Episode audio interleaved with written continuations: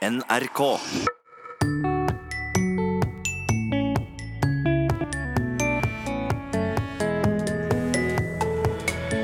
I morgen lanseres en ny app for folk som skal lære seg norsk. Den tilbyr språkøvelser som er spesialtilpassa morsmålet. Stopp. Stopp. Skal en tysker lære seg norsk, så er det ikke veldig mange lyder man egentlig må trene på. Men skal en kineser prøve, så er det jo 10 000, skal jeg si. I hvert fall, i hvert fall over 100. Børstraktor, telefax og polkø. Er det ord ungdommen forstår? Polkø. Mange som vil dra til Nordpolen eller Sørpolen. En børstraktor det er en som jobber seg gradvis, men sterkt oppover. Medieforsker etterlyste slike gammeldagse ord, og fikk en overveldende respons.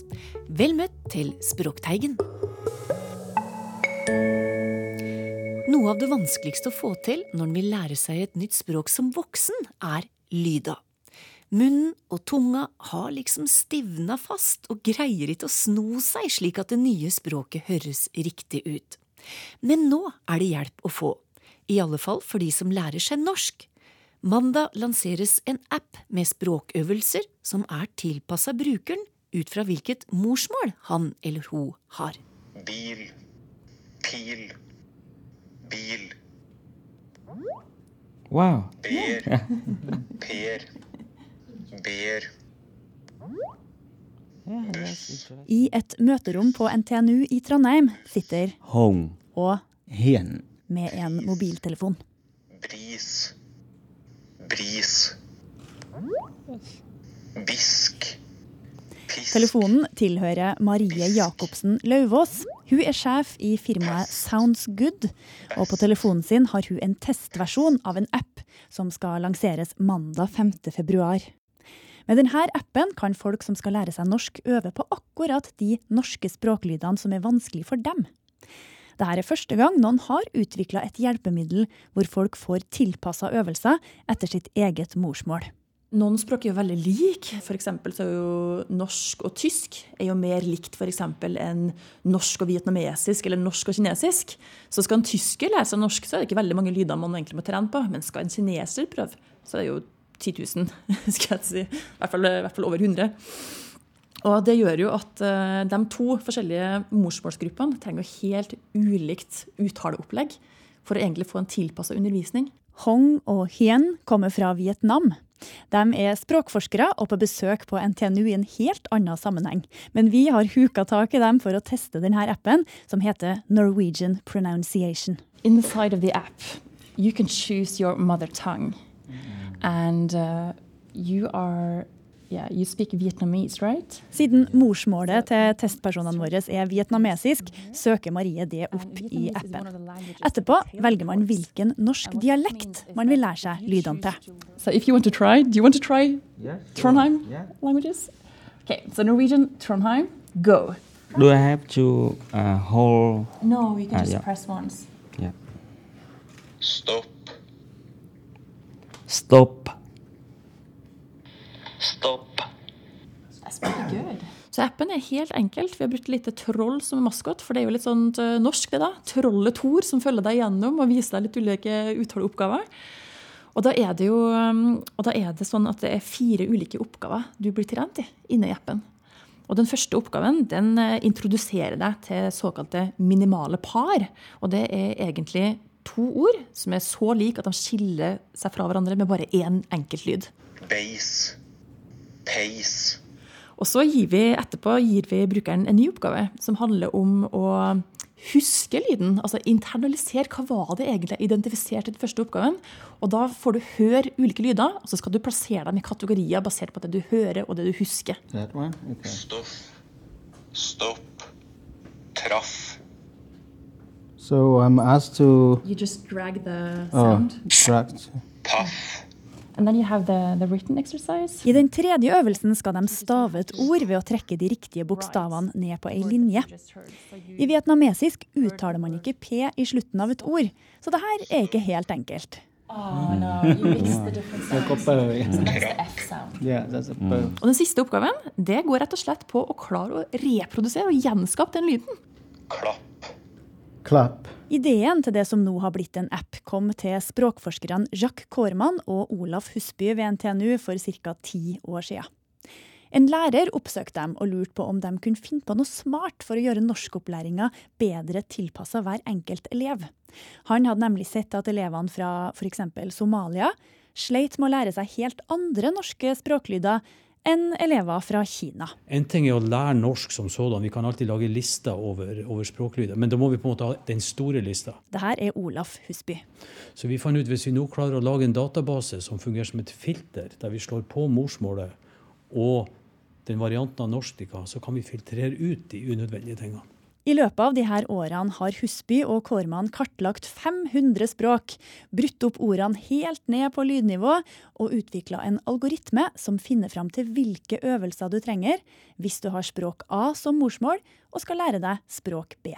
Her slår vi på språk A og språk B, og så får vi opp noen fargefelt. Og der det lyser rødt på skjermen, dit er det dataprogrammet går og henter øvelser. Og i den boksen da ligger det ja, 40 000-50 000 lydfiler.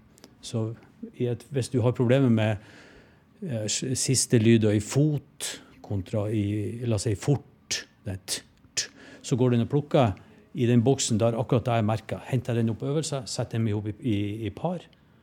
Og, og, det gjøres jo på, på ja, litt intrikat måte, for noen ganger kommer første ordet sist, eller ene ordet sist og først. Og det veksles internt, så du får aldri samme settet med øvelser igjen. Da. Så det er en ganske rik eh, database. Da. Og hvis du har vietnamesisk som morsmål, så har du det her problemet her. Og hvis du, har, hvis du er svensk, så har du det ikke. Denne digre databasen kunne fort ha forblitt en intern hemmelighet på NTNU. Vi var veldig fornøyd med det vi hadde gjort. og vi hadde vel i utgangspunktet ikke noe større plan enn å komme ut enn f.eks. på norskkurs på, her på Dragvoll. kanskje. Jeg, jeg, jeg, tror ikke jeg kan si at jeg har noe utprega næringsfett, men, men, jeg tror ikke det er kulturen på Dragvoll å ha det heller. Men i de innovasjons- og gründertidene som vi lever i, så har universitetene folk til slikt. NTNU sitt Technology Transfer Office mente at denne språklydsalgoritmen kunne ha kommersiell verdi. Selskapet Sounds Good ble etablert. De fikk med seg en spillutvikler på laget. Og nå håper lederen i selskapet, Maria Jacobsen Lauvås, at appen skal gjøre det enklere for folk å lære seg norsk. Her i Norge så er det jo over 40 000 innvandrere som faktisk får ekstra norskopplæring eh, hvert år fordi man ikke har et morsmål eh, som er norsk, men et morsmål som skiller seg langt fra norsk. De her håper vi skal ta denne i bruk, for det her er det veldig mange som er spesielt eh, ivrige etter å mestre språket. Vi kommer til å jobbe sammen med, vi kommer til å gjøre en hard innsats for å formidle og få det her ut til alle som driver med voksenopplæring. Men vi, også til å, vi skal også jobbe med å få teknologien og produktene her inn i læremiddel til norsk skole. Men det er også veldig viktig for oss at dette blir tilgjengelig til dem som ikke er en del av de introduksjonsprogrammene. Så Derfor har vi nå valgt å legge ut en sånn eh, app i AppStore, som vi lanserer nå på mandag Sånn at alle sammen kan ta den i bruk, og at man også, dersom man ikke er student i et introduksjonsprogram, får muligheten til å, å leke seg. I databasen og algoritmen til NTNU-forskerne er det råmateriale for å lage slike apper for flere språk. Det jobbes med en app for spanske språklyder og for britisk engelsk. For det her med å uttale lydene riktig er ikke bare viktig for å bli forstått, sier Olaf Husby. Altså, vi vet jo av, av sosiolingvist faktisk forskning at, at uh, som du sier, at, at man, kan bli forstått og man kan kommunisere. Men det ligger et lag til her, for de her lyd, språklydene som man bruker når man snakker med aksent, de er på en måte sosialt lada. Så det er gjort undersøkelser f.eks. i Sverige om du sier 'monga' eller 'monga'. Bare du putter inn den g-en, så blir det antatt at du har, at du har lavere intelligens. At du, folk tillegger det personlighetstrekk. Så når du da sitter i en jobbsituasjon ikke sant? Så Pga. at du kanskje har litt aksent, så blir du ansett som mindre kvalifisert. Så det kan få dramatiske følger for, for en, personlig karriere. Altså. Stopp. Stopp. Men Hva syns de vietnamesiske gjestene om appen? Stopp. Well, I, I think it's, it's um, amazing. It's, it's very useful for, um, for anyone who to exploring a new language. Men som fonetikere, altså eksperter i lydlære, er de ikke helt representative for det som vil være den jevne brukeren av appen. Og det er ikke tilfeldig at han uh, Hung fikk til å si stopp. For på vietnamesisk så skal han si uh, noe sånt som søtopp. Det skal ikke være noe p med aspirasjon på slutten. Men han er fonetiker. Han vet at det er en aspirert, ustemt bilabial, så den kan han lage. Og, og det, en, Hvis du plukker ut en, en vanlig vietnameser på gata og ber de om å gjenta, så tenker ikke de på det. Så da blir det bare stopp. Ja, der var det stopp. Og appen Norwegian Pronunciation kan lastes ned i AppStore fra i morgen. Reporter var Randi Lillealteren.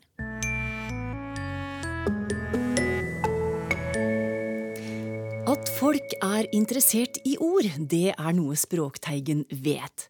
Og heldigvis fins det mange språknerder blant oss, som liker ord og som liker språk. En av dem heter Jens Barland. Han er medieforsker ved NTNU på Gjøvik.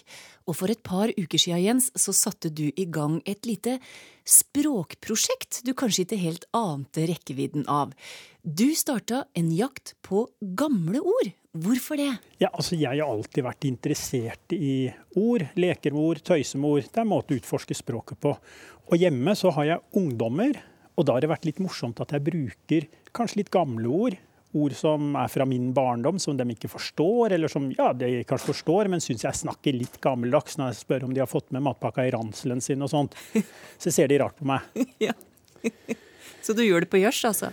Ja, ja, selvfølgelig. Og så hadde jeg et ønske om å utvide repertoaret, for litt sånne morsomme fortellinger og historier om et større utvalg ord. Så jeg bare tok rett og slett og spurte på Facebook-profilen til mine venner. Jeg at det er litt om gamle ord som dør ut. Eh, F.eks. båndsalat, klasseforstander og nabolokaltakst.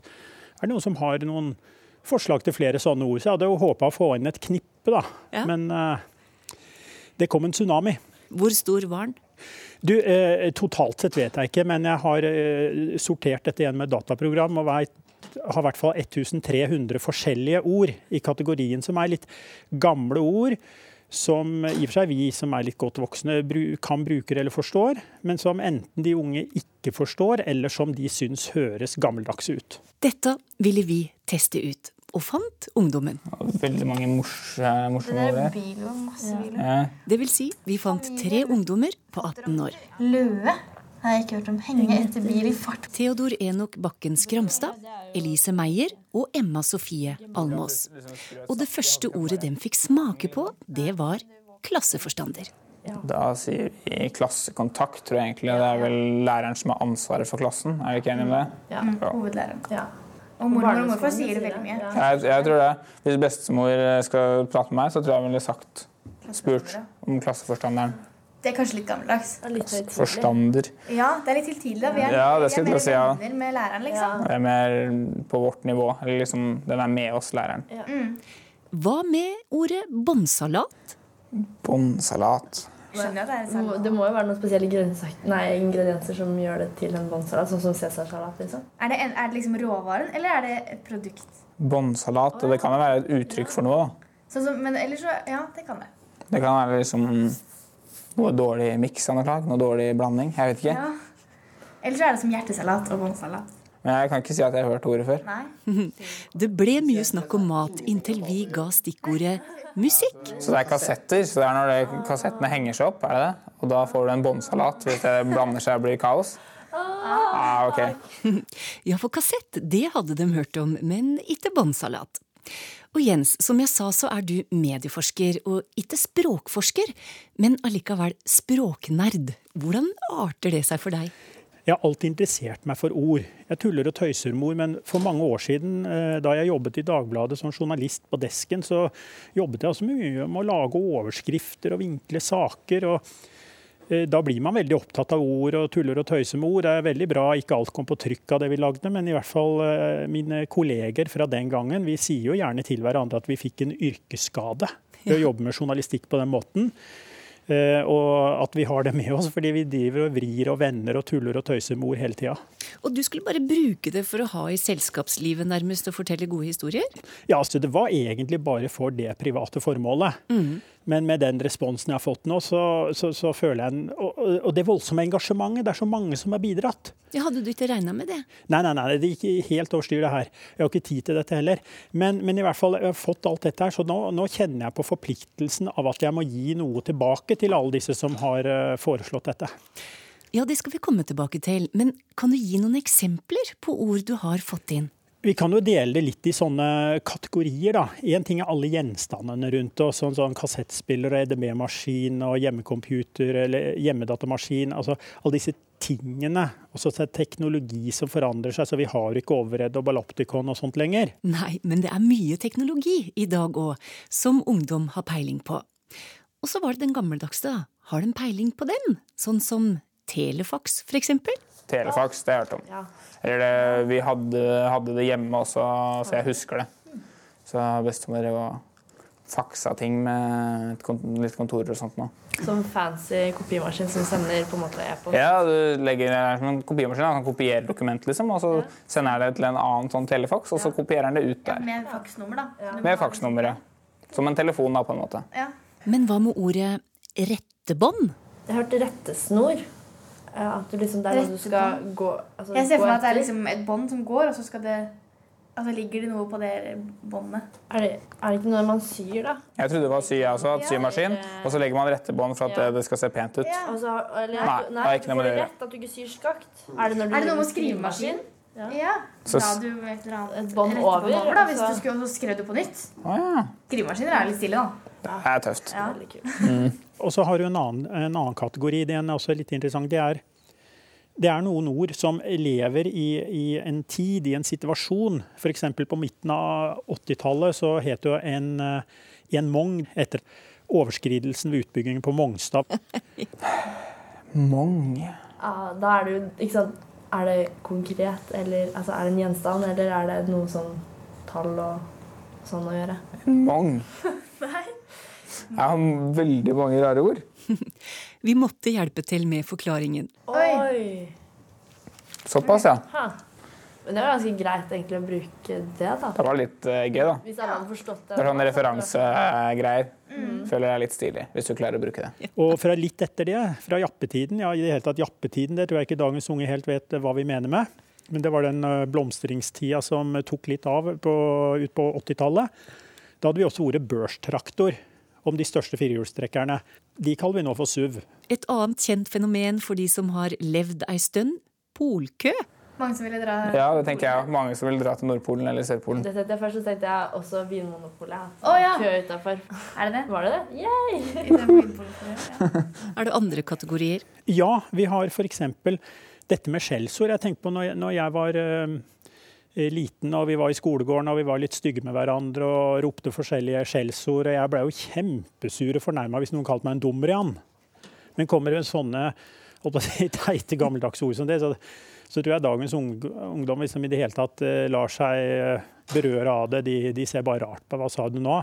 Og Dommenikken og Dustenellik og Dåsemikkel og eh, suppehue og bøllefrø og sånn. Det, gjør, det, er, det var fornærmende ord den gangen. Det tror jeg ikke gjør noe inntrykk nå.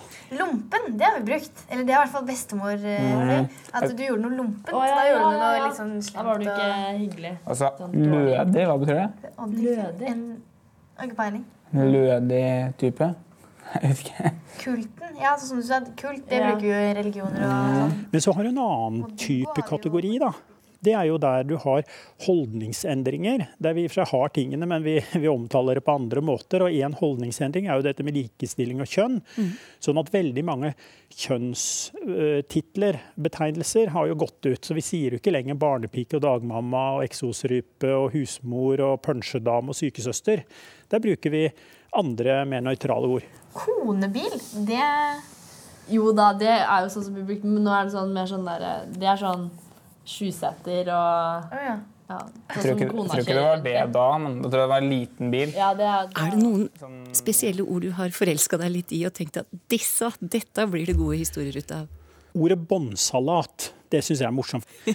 Men det er samtidig litt sånn veldig kjent ord, så det, det er ikke en sånn spesiell historie. Da er det kanskje litt morsomt med en bitte, bitte liten ting som heter hullforsterker. Og da måtte jeg tenke meg for det, hadde jeg glemt når det kom inn.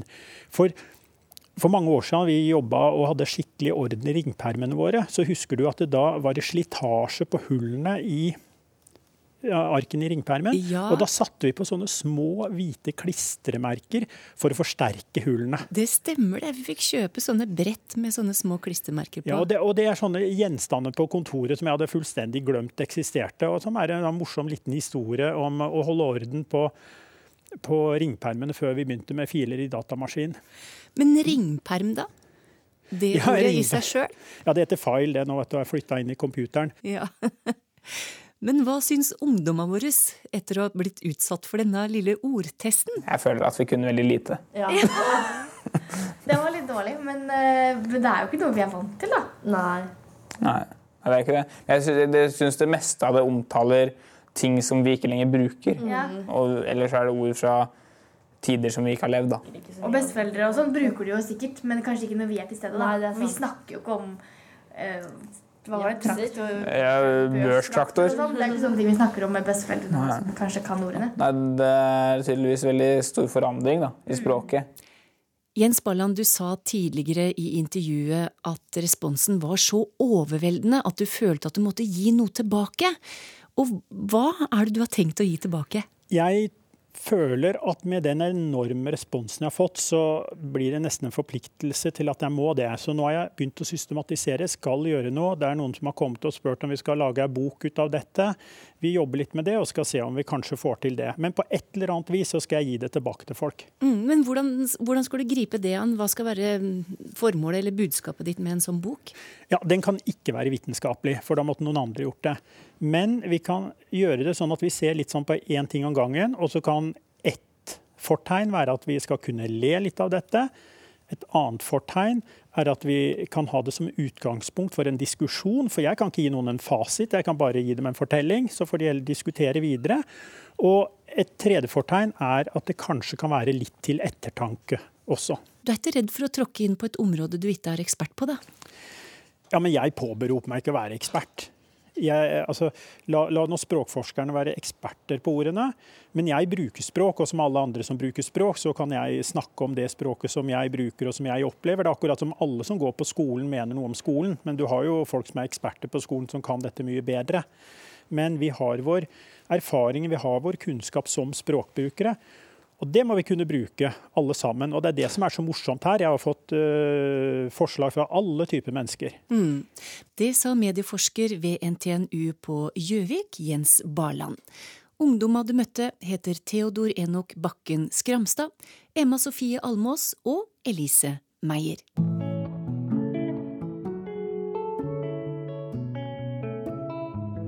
Toril Oppsal svarer på lyttespørsmål i dag, og første spørsmål lyder slik. Jeg ser stadig at media, etter mitt vett, forveksler syndebukken med sjølve synderen, skriver Guro Mona Oppen. Hun har sendt med et eksempel fra avisen i fjor høst, der overskriften er Ekspert tror Rema kan forsvinne, peker på Ole Robert Reitan som syndebukk. I ingressen står det Flere eksperter innen dagligvaremarkedet sier det er Ole Robert Reitan som må ta ansvaret for Rema 1000s krise. Altså, i denne sammenhengen, blir han da synder eller syndebukk, spør hun. Ja. Eh, en syndebukk er jo en person som veldig ofte urettmessig får skylda for ting. Og opphavet her er jo fra tredje Mosebok, hvis ikke jeg tar, tar helt feil, eh, hvor det er en helt konkret bukk som blir brukt som et syndoffer. Eh, og den som har skylda, og den som blir påført skylda, det er ikke alltid så lett å avgjøre. Eh, og jeg har tenkt litt på dette, men, men jeg er enig med Guro Mona Oppen her at i dette konkrete tilfellet så er det noe som skurrer. Fordi her er det en som må ta ansvaret for at noe har gått gærent. Eh, Og den som tross alt også er årsaken til at det har gått gærent, vil noen påstå. Og da er man vel strengt tatt en synder og ikke en syndebukk. Ja. Men dette var et veldig veldig godt spørsmål, og, og det er vel ikke alltid slik at det er urettmessig påføring av skyld heller. Fordi av og til så er det jo omstendighetene eller forholda rundt, annet enn denne konkrete personen, som, som eh, må bære skyld for at noe går gærent. Eh, Men jeg, jeg tror Guro Mona Oppen har eh, rett her. Ja. Her har man blanda, blanda sammen Han er sagt ikke bukken og havresekken, men, eh, men syndebukken og, og synderen. I hvert fall hvis vi skal ta utgangspunkt i en klassisk definisjon av en syndebukk. Mm.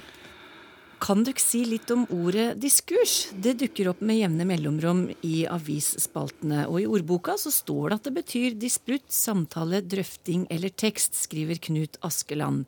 Men han syns ofte han ser at det blir brukt på en annen måte. Kan du ikke hjelpe til med betydningen av ordet og hvordan det brukes nå for tida, spør han. Mhm.